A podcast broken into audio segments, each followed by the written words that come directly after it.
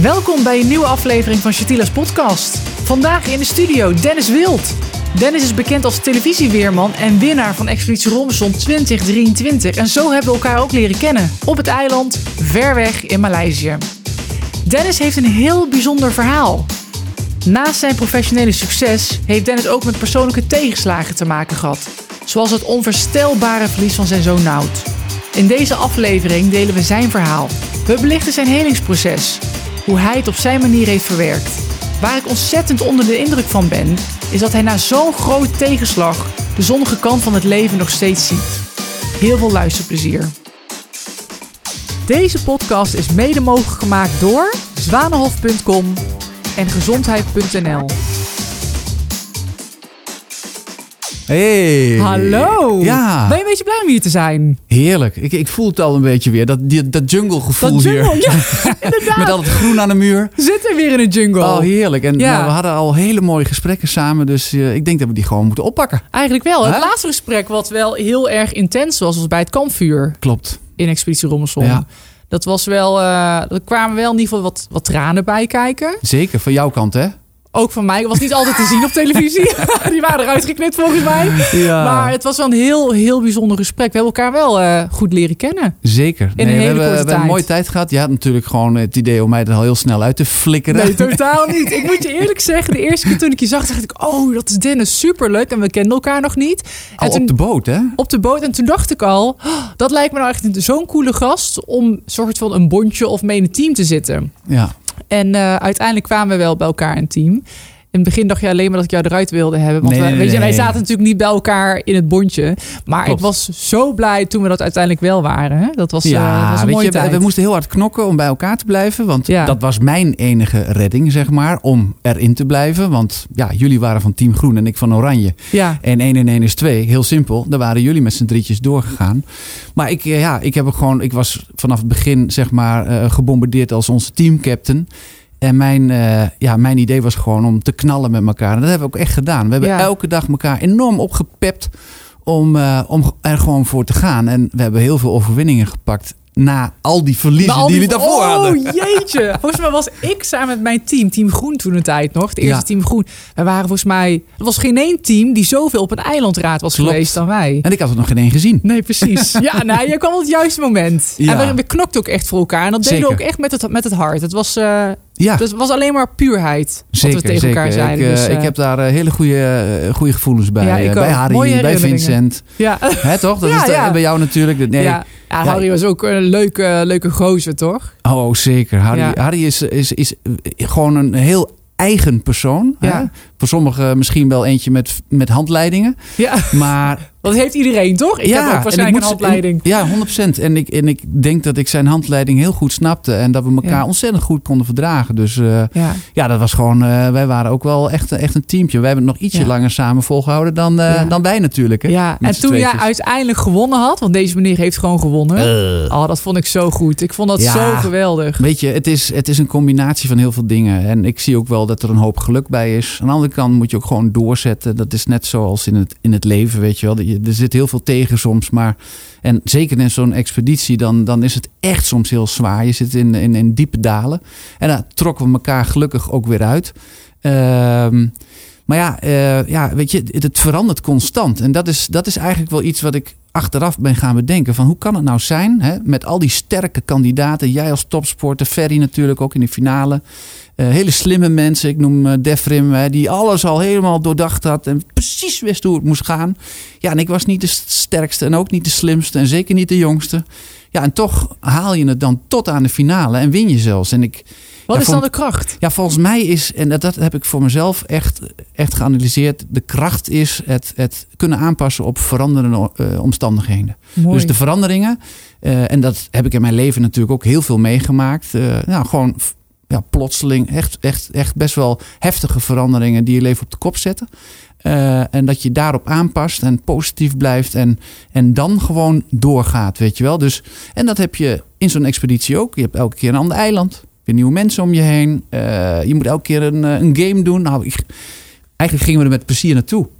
Geweldig. Nou, elke keer weer een uitdaging. En ja, ja, zo sta ik er wel een beetje in. Dus Ja. dat glas bij mij, dat eh, dat is altijd half vol. zeker. Ja, Ah, dus, mooi om ja, te zien. Want je hebt genoeg tegenslagen meegemaakt in het leven. Daar gaan we het dadelijk ook zeker over hebben.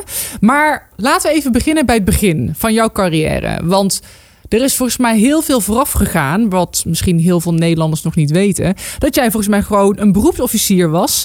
In 1994 heb je volgens mij ruim zeven jaar eh, voor Defensie gewerkt. Kan dat kloppen? Ja, dat klopt. Ik, eh, ik, Oh? ik kom nog uit de tijd dat je, eh, eh, zeg maar, dienstplichtig in dienst moest. Oké. Dus Eh, doe je dat met tegenzin?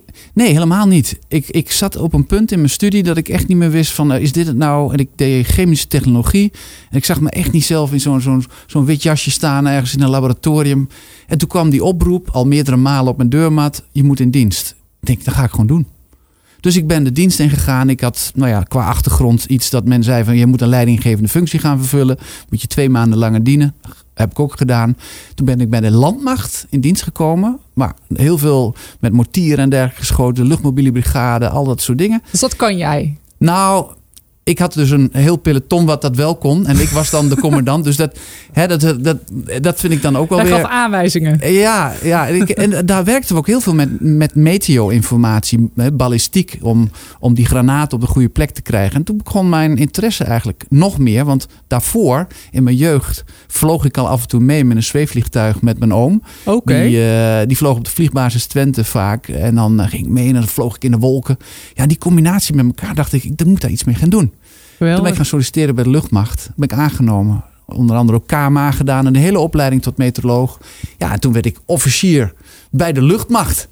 Wauw. Een heel verhaal, maar ik heb daar eh, ja, niks. geweldige dingen meegemaakt. Met F-16's, helikopters en Wauw. grote vliegtuigen. Allerlei oefeningen, uitzendingen, noem het maar op. Dus een eh, hele dynamische tijd. Maar ja, die is, die is ook plotseling ten einde gekomen.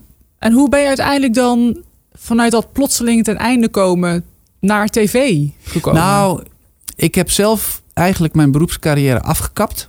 Ik ben zelf, ik heb mijn ontslag ingediend. En als je eenmaal bij Defensie werkt, dan wordt het uitgestuurd. Ik zou bijna al met pensioen zijn op deze leeftijd die ik nu heb. Want je Oh. gaat zo'n tien jaar eerder daar eh, Met de dienst uit. Oké. Eh, je bent gek dat je weg. En ik zei nee, ik, ik kies voor een andere weg. Want ik had op dat moment, eh, mijn eerste zoon eh, werd geboren met een hele zware handicap. En ehm, ja, thuisfront zat daar gewoon mee, mijn eh, vrouw. En ik, eh, ja, ik had zoiets, ja, ik, ik ben overal en nergens, altijd maar weg.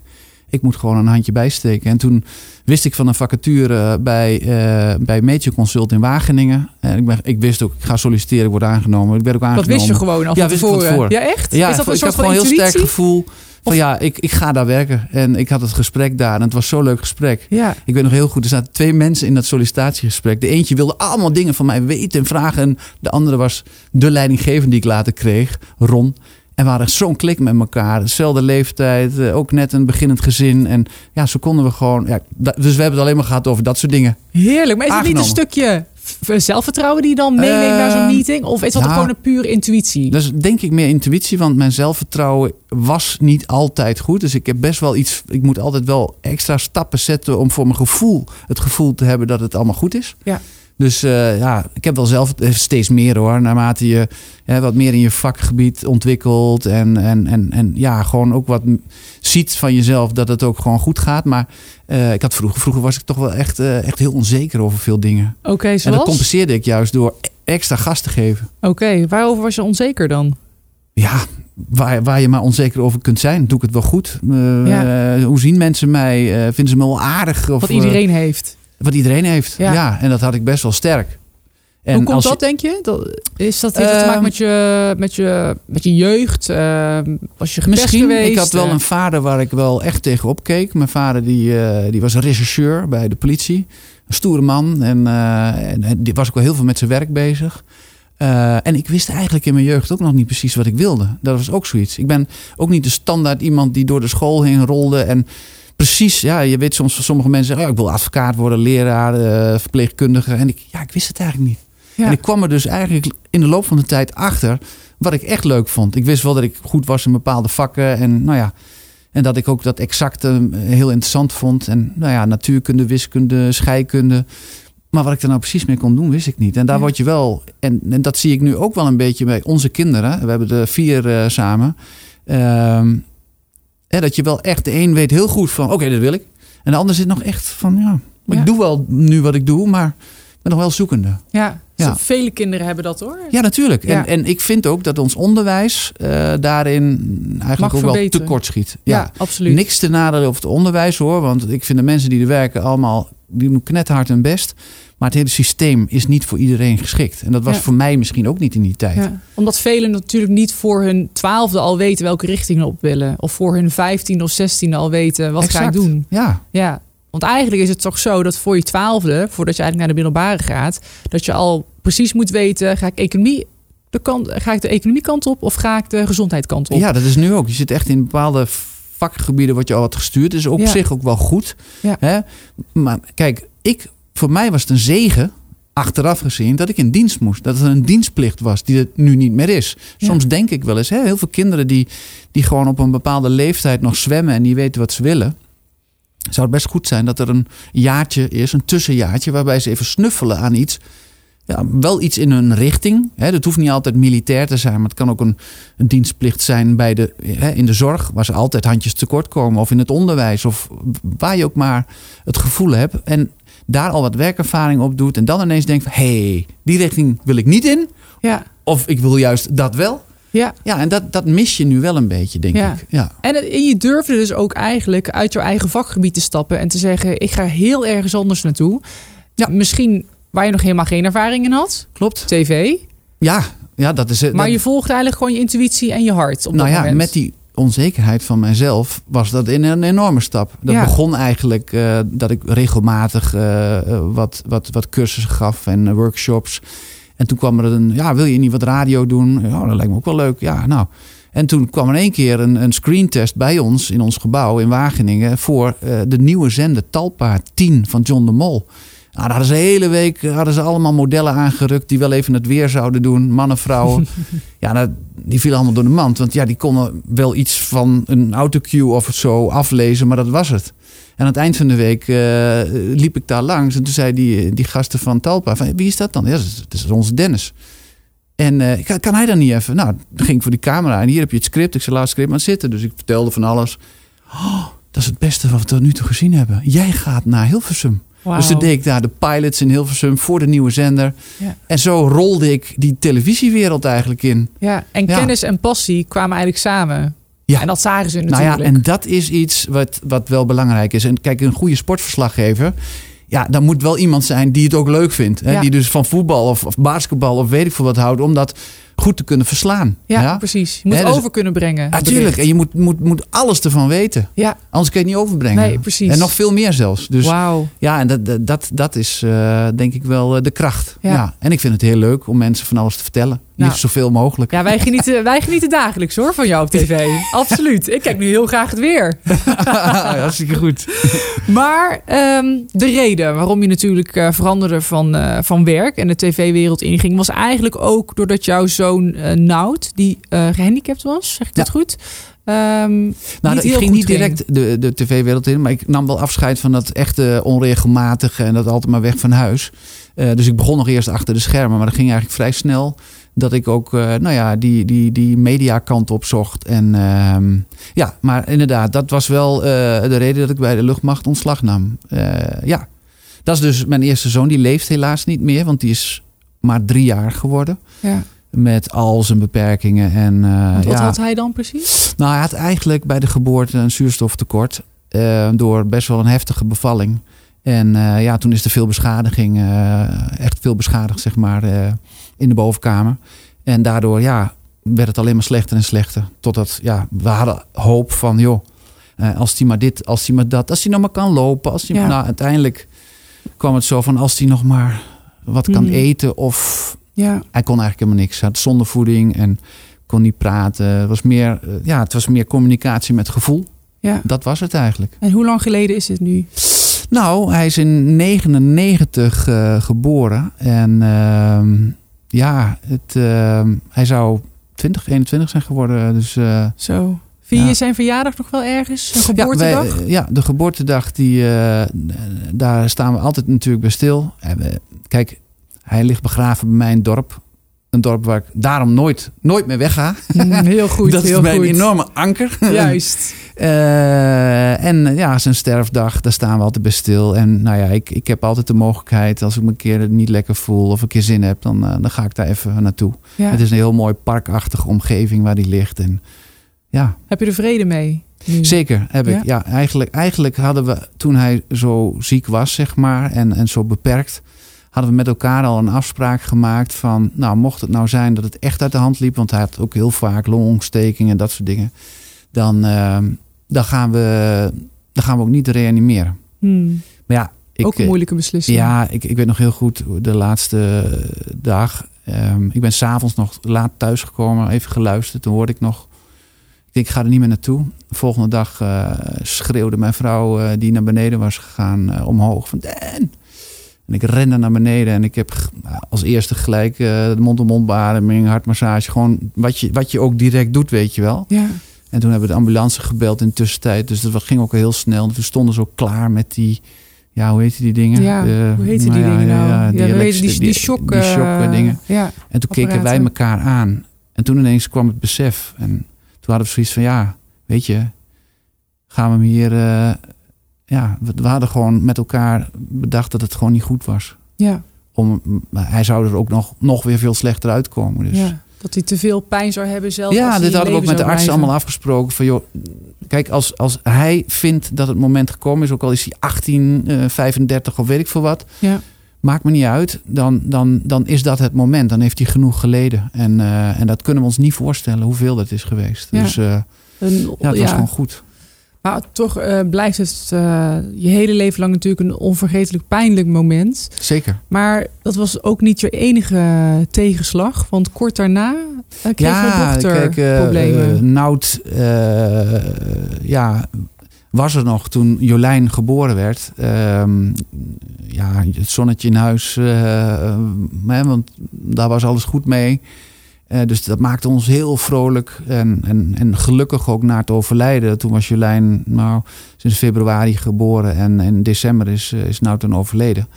Eh, was zij er nog? Het was wel een moment dat ik, wat ik ook heel moeilijk vond om te accepteren dat we gewoon ineens een normaal gezinnetje waren. ja, Hè, zonder alles maar mee te slepen. De ge- aangepaste auto, de rolstoel, de medicatie, de weet ik veel wat. ja, Maar, ehm, dus ik had daar ook wel moeite mee om, om gewoon echt te genieten en, en, en te zeggen van ja, het is goed zo. ja, Maar ja, uiteindelijk eh, lukte dat totdat Jolijn eh, goed twee jaar oud was. En ineens uit het niets kreeg ze een, een, een, een oorontsteking. En ja, we zijn naar de huisarts gegaan. En ja, als medicatie mee, als na het weekend de koorts niet weg is, dan... Nou, koorts ging even weg op zaterdag, kwam hevig terug op de zondag. En de maandag zaten we in het ziekenhuis. En, en, en dat was één rollercoaster. En vervolgens zaten we bij een, kinderarts en bleek dat ze acute lymfatische leukemie had. zo. Zomaar. Ja, en dan zit je ineens weer in een hele andere wereld. Ja, dan gaat ook ineens heel radicaal die knop om. Van oké, oké, survival stand en, en door. Ja, Ja, en, en je wist hoe je daarmee om moest gaan op dat moment. Nee, Totaal niet. nee. Nee, je komt op een academisch ziekenhuis en je loopt die gang door. En met jouw dochter die, ja, god, koorts heeft. En, maar die er niet zo uitziet als die kindjes links en rechts. Met Ja. kale hoofdjes, bolle kopjes. En dan denk je echt, wat doe ik hier? Ja, Ja, en binnen een paar weken ziet zij er ook zo uit. Na die behandeling die dan start en die gewoon goed twee jaar eh, duurt. ja, En met een, ja, toch wel een redelijk risico dat je het ook niet overleeft. Want in die tijd had ze 75% kans op genezing. Dat is gelukkig inmiddels alweer iets meer geworden. Omdat er, nou ja, we genoeg geld beschikbaar krijgen elke keer. Nou, wij gaan er ook voor fietsen om, om, om die rottige ziekte te bestrijden. En, en om meer onderzoek, meer medicatie en, en te krijgen. En, maar goed, ze had 75% kans op genezing. Ja, ik, ik werk natuurlijk de hele dag met percentages en dat soort dingen. En dat is toch, als je vier kindjes op een rij zet, ja. dan gaat Eén. eentje, Ja. die, die overleeft het niet. Veel te veel. En Ja. zij kwam op school met Giel, Giel Ruinemans. Ja, ik, ik weet het allemaal nog eh, alsof het gisteren was. En Giel die eh, had ook acute lymfatische leukemie. Precies hetzelfde als Jolijn. Die hebben ze in twee eh, klassen ge- gesplitst. Ja. Op de lagere school, wanneer je net begint. En eh, Giel ligt tegenover mijn zoon begraven. Oh. Dus dat herinnert me elke keer weer aan het feit van... Jeetje, wij zijn toch door het oog van de naald gekropen met Jolijn. En, en ik ben er ook elke dag heel erg dankbaar voor. Ja, want even voor de luisteraars thuis. Ze is een gezonde Ja, vrouw geworden. het is een gezonde, bloedmooie vrouw van Bloedknappe 21. vrouw. Ja. Wauw. Heeft ze van de moeder. En, eh, Ook een beetje van de vader, toch? maar het is, het is, nee, het is, het is echt nog steeds eh, het zonnetje. En, En helemaal en- gezond. helemaal gezond. Eh, natuurlijk, kijk, zo'n zo'n behandeling eh, eh, is best wel pittig. Dus we zitten elke keer wel van, heeft dit nog iets van nawerking dingen? Dat wordt ook allemaal netjes bijgehouden. Ze gaat ook naar later poli en dat soort dingen. Maar ze is kerngezond. En, eh, en, en staat fluitend in het leven. Doet ongeveer dezelfde dingen als haar vader deed eh, tijdens de nachtelijke uren in zijn studententijd. Dus alleen maar goed. Hartstikke mooi. Dan heeft ze een goed leven volgens Heel mij. goed leven. Ze studeert Ja. in Nijmegen. En eh, nou, ik kom er ook graag nog eens een keertje langs. Gaan we een hapje eten. We hebben zelfs een keer een stapavond gedaan. En dat soort Oh, dingen. ja? Ja, heerlijk. Hebben jullie een goede band samen? Een hele goede band. Ja? Ja. Is dat ook een goede band, extra goede band geworden omdat je weet wat verlies is van een kind? Ja. Dat, dat heeft alles te maken met wat we samen hebben meegemaakt, denk ik. En dik kijk, vader-dochter is toch eigenlijk, hè, dat hoor je wel vaker, goed. Maar in ons geval, ja, weet je, ik, ik, ik heb met mijn, eh, mijn, mijn kleine dochter, die, die niemand aan, aan haar lijf wilde in die tijd, moest ik als een klein meisje vasthouden. Omdat ze ook prikken in haar rug, ruggenmerg kreeg met medicatie. En er werd bloed uitgehaald voor onderzoek. En dan schreeuwde ze alles bij elkaar en dan moest ik haar vasthouden. En dan krulde ze zich om me heen met een bol ruggetje. En ja, het is het ergste wat er is. Ja. Dat je het moet doen. Met je neus bovenop zitten. Maar ehm, Kan zij nog wel iets herinneren van die verschrikkelijke tijd? nee, gelukkig Helemaal niet. Gelukkig, ja. Nee, nee, ze heeft alles van verhalen. Nou, ze- ik weet nog heel goed dat toen was ze ook nog heel jong. En dan zegt ze: Papa, papa. ehm, ik weet nog wel, toen ik ziek was, toen had ik al dat gips om de arm. Toen dacht ik bij mezelf: nee, dat, dat was een paar jaar daarna, toen ze een keer gevallen was Oh, en iets gebroken had in de pols. Dus ik dacht: ja, heel ander ik denk, tijdperk. mooi.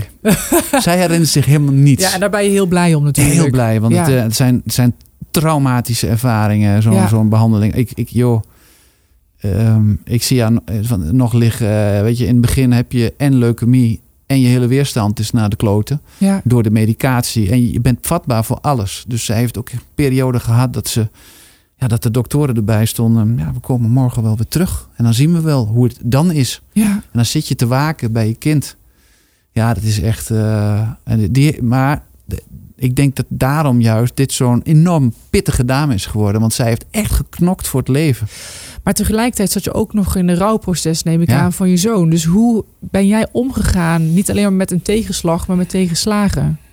Ja, ik. Weet je. ehm, en daarin ben ik wel anders dan inmiddels mijn ex-vrouw, de moeder van mijn kinderen. We hebben een onwijs goede band met elkaar. Want we hebben samen iets meegemaakt wat. Ja, wat eigenlijk. eh, wat je niet hoort mee te maken in, in je jonge, prille kindertijd. Met alle geluk die daarbij hoort. Ehm, maar het heeft wel ergens eh, onze relatie beschadigd. Waardoor, ja, weet je, bij ons stond de focus altijd maar op kinderverzorging. Eh, altijd maar vooruitdenken en doorgaan. En Ja. nou ja, mijn manier zoals ik dat ehm, gedaan heb, is er altijd. Want ik, je merkt wel, ik, en dat hebben we ook bij het kampuur gehad. Ik, ik praat erover. Ik, ik, ik praat over mijn gevoelens. Ik praat over mijn ervaring. Ik, en dat is voor mij ook gelijk een soort ja, helend moment. Ik praat er nu over en ik krijg echt kippenvel overal over mijn lijf. Maar het doet me wel goed, want het is niet vergeten. Het is niet Mhm. weg. Weet je wel, Nout samen ook over gehad. Haal ik regelmatig naar boven, omdat ik Ja. ook wil dat hij er is. En ik heb ook in de expeditie eh, echt daar heel veel kracht uit gehaald. Omdat Nout voor mij, ja, het is zo'n ehm, voorbeeld van. Je kunt zoveel meemaken, maar ja, weet je, dat wat hij heeft meegemaakt, dat, dat, weet je, dat, dat valt alles bij niet. Mhm. Dus Ja. ik ben, ik relativeer, ik praat, ik, ik, ik, ik, ik, ik, ik vertel mijn ervaringen. En dat doe ik het liefst natuurlijk voor, nou ja, ook voor KWF. Omdat ik ben ambassadeur voor KWF. We gaan fietsen, we gaan de berg op. We, weet je, ehm, mijn levensverhaal hoop ik ook dat mensen daar ook wat mee kunnen. En, en daar waar er sommigen toch wat geslotener zijn, adviseer ik ook. Praat Praat gewoon. Ja. Zoek iemand waar je... uit je emoties. Ja, Ja. g- eh, want als het hier blijft sudderen binnen... Gaat dan, het eten van binnen. ja, en dan, Ja. Dan, dan, dan krijg je er van alles van. Mhm. En ik snap best wel dat niet iedereen zo in elkaar zit, maar ik denk dat dat wel het belangrijkste is.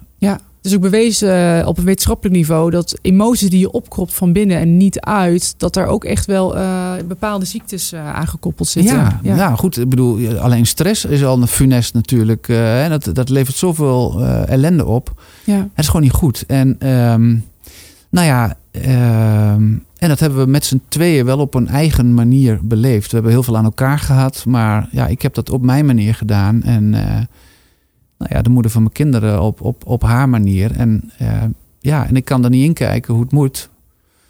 Um, maar gelukkig kunnen wij wel nog steeds alles van die periode met elkaar delen. Met een lach en een traan. En ja, we zijn ja. er ook altijd voor elkaar. Ja, mooi. Ja. Je, bent niet meer samen met, uh, Nee. met je vrouw, met je ex-vrouw moet ik dan zeggen. Met Diane? Nee. Met Diane. Ja, maar je hebt er dus wel een hele mooie, goede band nog steeds Zeker, mee. zeker, Eh, ja, Jullie ja. kunnen met elkaar goed communiceren, dat heel belangrijk is natuurlijk. Ja.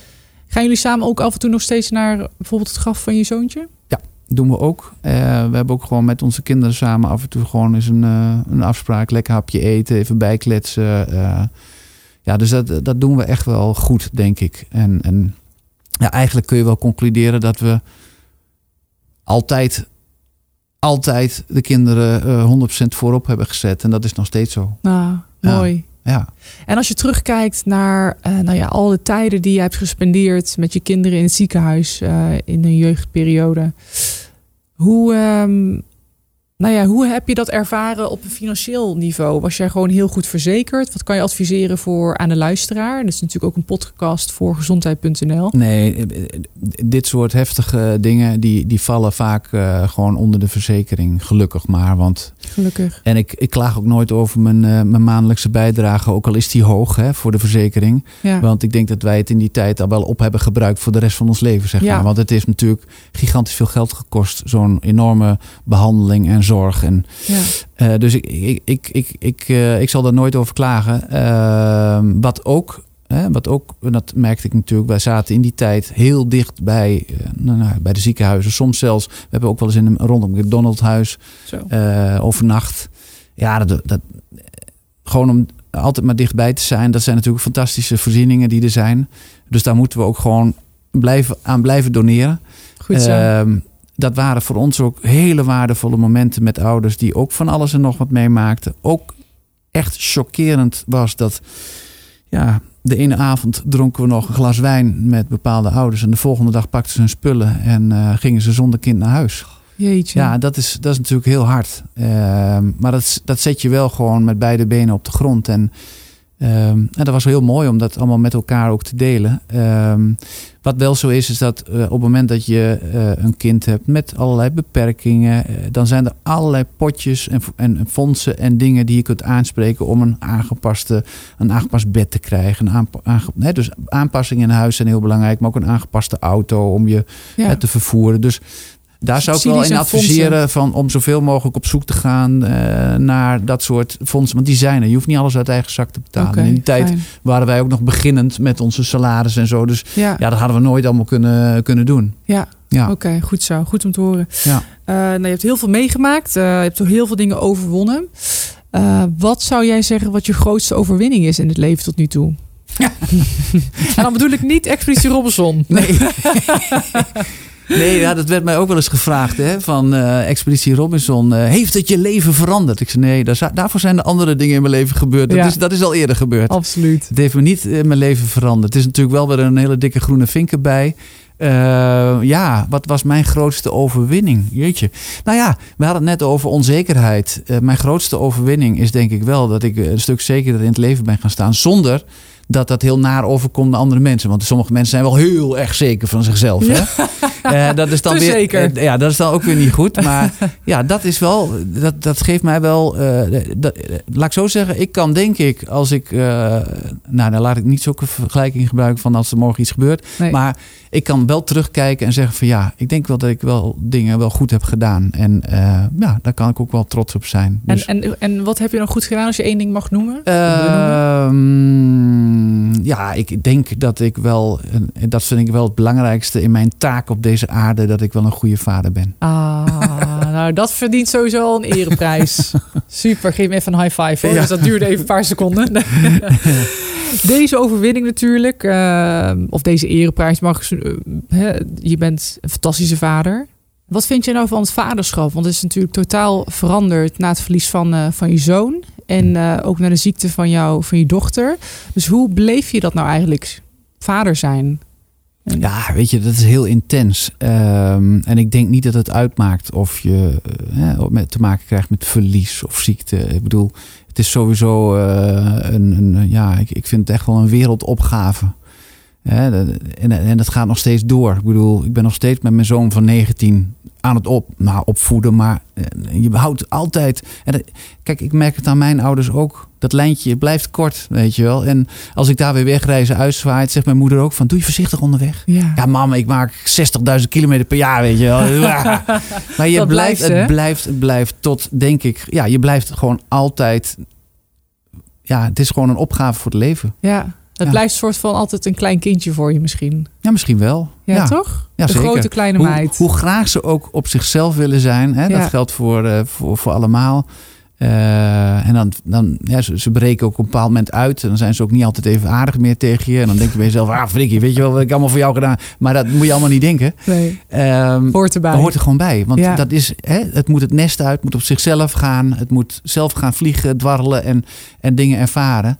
En, en ook een keer op, op de neus vallen. Uh, dat hoort er ook bij. Uh, net als, als wij dat gedaan hebben. Maar ja, je, je houdt altijd wel ze in het vizier. Toch wel, hè? ja, zeker. Ben jij extra zacht voor je dochter? Puur uh, omdat uh, zij ook wat tegenslagen heeft gemaakt als uh, jonge meid. maar ook misschien omdat het gewoon een meisje is. Nou, mijn zoon moet nou even vingers in de oren doen. want Die mag niet luisteren. Ik word wel vaker van beticht dat als Jolijn iets vraagt. Ja? Ja, heeft dat Dat ze het wel voor elkaar krijgen. En dat als Hidde het zou doen, dat het misschien nog aan. Weet je, ik ben, te, te, ik ben met hem ietsje. Ja, hij moet ook een kerel zijn. Hij moet in het leven staan. Weet je, ietsje harder, ietsje. Ja. ja. ja. En, dat, en dat is niet negatief, want ik ben net zo gek met hem. Ja, op een andere uh, manier. Maar het is gewoon op een andere manier, ja. Wat zou je dan bijvoorbeeld weer met je zoon doen? Uh, wat je bijvoorbeeld weer niet met Jolijn doet?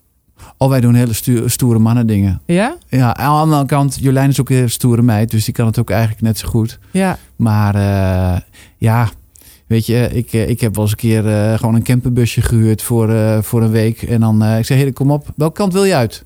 Oost, West, Zuid of Noord? Zeg het maar. Oh, nou, lijkt me leuk. Een keer naar Oost-Europa. Oké, we gaan kachelen. Gaaf. Kom in Praag uit, in, in, in, in, in Budapest, en noem maar op, weet je wel. Dus, ja. Maar zij, ja. zij heeft helemaal niks met die stoere mannen dingen. Want ik... Jawel, heeft zij ook. Oh, Oké, okay, we, hebben, we hebben, eigenlijk heb ik dit al eens een keer eerder gedaan. En toen moest Jolijn optreden in Zuid-Frankrijk. Ja. En ik zeg tegen haar, kom op, we gaan erop halen. We hebben een hele tour gemaakt langs de Franse kust. Eerst in België. Ik denk, ja, want die jongens die doen ook allemaal gekke dingen. Haken, kruisen, schrijven dingen. Ik zeg, weet je wel waar je het over hebt? We hebben een hele oorlogentour gemaakt. Eerste Wereldoorlog. Mooi, uh, leerzaam. Nou ja, ja, en toen langs, langs de kust van Normandië, wat er allemaal gebeurd is. Dus daar heeft hij als jonge jongen heel veel van opgestoken. En toen kwamen we in Zuid-Frankrijk, hebben we het concert van Jolijn meegemaakt. Hup. Optreden?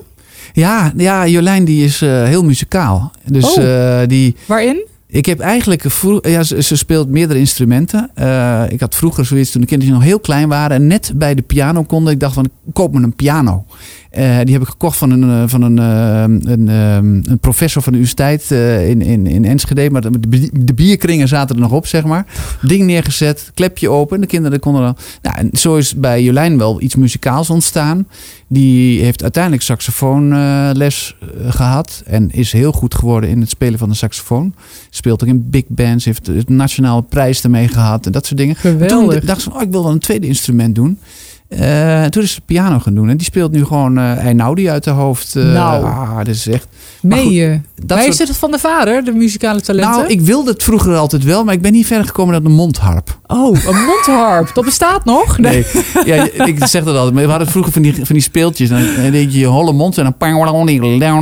Oké, okay. nee, maar was... nog nooit gezien, maar nee, super nee, nee. gaaf.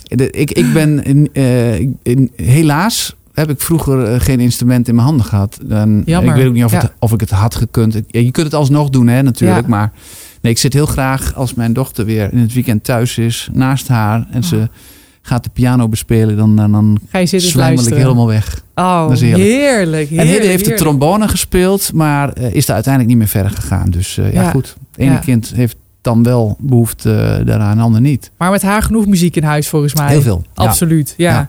hey, we zijn bijna ten einde gekomen aan deze podcast. Ik heb nog één vraag aan jou. Oh.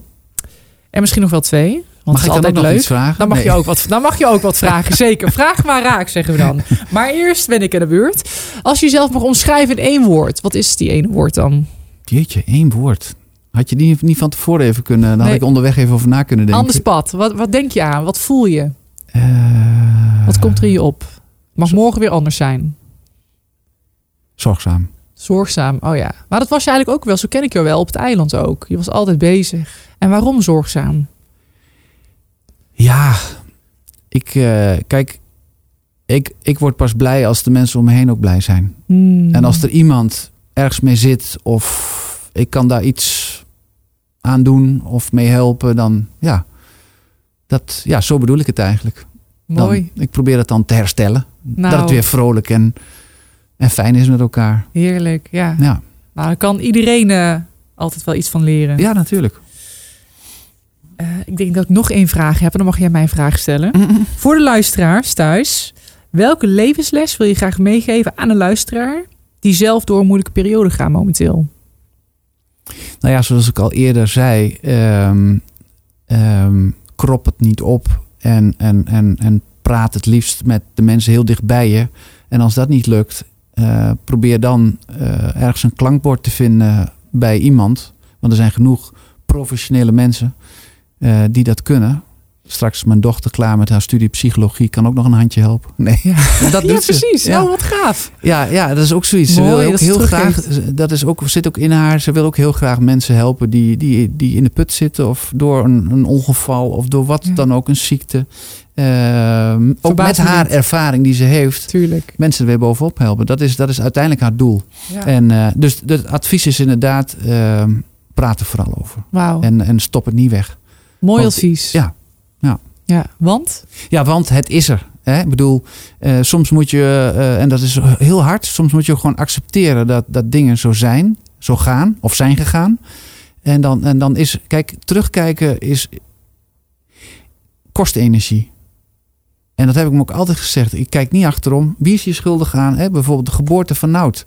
Een zuurstoftekort tijdens de geboorte. Ja, de, de, verloskundige, de, de gynaecoloog. Wie heeft die fouten gemaakt? Daar heb ik geen seconde mee bezig geweest. Vooruitkijken. Hoe gaan we, hoe gaan we dit oplossen? Hoe gaan we hiermee om? Hoe gaan we hiermee verder? Ja. Dat is volgens mij, denk ik, wel het allerbelangrijkste. En dat is lastig, snap ik wel. Maar dat andere kost heel veel energie. En voor dat andere vooruit heb je heel veel energie nodig. Ja. En vooruit geeft ook energie. Uiteindelijk geeft dat heel veel energie. Ja. Zelfs met sporten, hè? Ja. Het kost heel veel energie, maar daarna... Ja. Wauw. Ja, toch? Voel je gigantisch. Ja, nou, ja, jij weet er alles van. Ja, absoluut. Ik bedoel, ik een beetje, want ik fiets nou heel veel. Stiekem ben je ook heel sportief, hoor. Nou, ja, het, is, het heeft me wel verbaasd dat ik al die, die gekke games en dingen gewoon deed, weet je. Ik deed en gewoon kan. alles. En Ja. kan, kan. Ik heb zelfs nog een keer een immuniteitsketting gewonnen. En volgens mij ben je ook nooit laatste geworden. Nee, dat is zeker Van niet. al Staat die al- jonge meiden. En Ja. jongens, moet ik zeggen. Ja, is toch heerlijk? Geweldig. Ja. Ja. Nee, daarom. Dus, Had jij eh, nog een vraag voor mij? Ja, je had het net over stoere meid. En, en, en, en zo zie je er. Ja, je ziet er natuurlijk heel vrouwelijk uit. Je bent een prachtig mooie Ik vrouw. zal meteen even recht gaan zitten dan. Nee, nee, ja, dat, dat- kijk, dat, dat zag ik natuurlijk ook al in de expeditie. En we hadden, we hadden een hele goede klik, maar. ehm, niet maar. We hadden, we hadden zelfs zo'n goede klik dat jij op een bepaald moment naast me kwam in de branding. Weet je het nog? Ja, deze knip je er Oh. toch. Deze ga je er toch Deze- uitknippen. Nee, die- nee, toch niet hoor. Laat maar horen. Nou, Herinner me. Ik weet nog heel goed. En het was zo'n mooi moment dat jij ineens zei van... Kijk eens Dennis, die heb ik meegesmokkeld. En toen liet jij mij een heel klein pincetje zien. Dus Oh. ik zei, "Tim, wat gaaf. Maar wat gaan we ermee doen? Ja, ze, ik heb hier nog een, misschien nog wel een paar haartjes. Ik kan het niet zien, want Bij de wenkbrauwen. Hij wijst zijn Zou wenkbrauwen jij aan. misschien die losse haartjes bij me weg? Dus ik ging als een aapje naast jou zitten. Zo was het eigenlijk. Klopt. In de branding, ergens op een onbewoond eiland, zat ik bij jou Ja, Ja, mijn wenkbrauwen te plukken. je eh, ha- je wenkbrauw te epileren. Ja, dat Heerlijk. weet ik nog. Het is nu uitgekomen. We geven elkaar nog een high five. En niemand wist het. Niemand wist het, want dit was eigenlijk ons geheimpje. Hè? Ja. Ja, ja. En dan weer die pincet moest ik weer wegsmokkelen ergens Ja. onder het zand. Oh, en dan heerlijk. later weer opgraven. En dan hoopte ik nog dat ze die pincet niet hadden gevonden, zodat ik weer mijn wenkbrauwen Ja, precies. kon Is epileren. toch heerlijk? En ik mocht het ik even vond doen. het zo lief van jou, moet ik nog even zeggen hoor. Ik vond het zo lief dat jij dit wilde doen. Ja, wij konden zomaar gecatcht worden en dat, er, dat wij misschien wel uit het eiland gekikt werden. Precies. Maar toch wil jij mijn wenkbrauwen epileren. Geen probleem. Dankjewel. Je mag me altijd weer vragen. Kijk, overigens was dit geen vraag, hè? Nee, voor de kijkers. vraag. Dit was gewoon een stelling, maar dat maakt Maar ik helemaal wil niet het uit. gewoon even kwijt. Helemaal goed. Dennis, Wild, super leuk dat je er was. Kom je nog een keertje langs? Zeker. Ja? Ja, Dankjewel, nou, lieve hey, schat. Tot snel, hè? Dankjewel hè.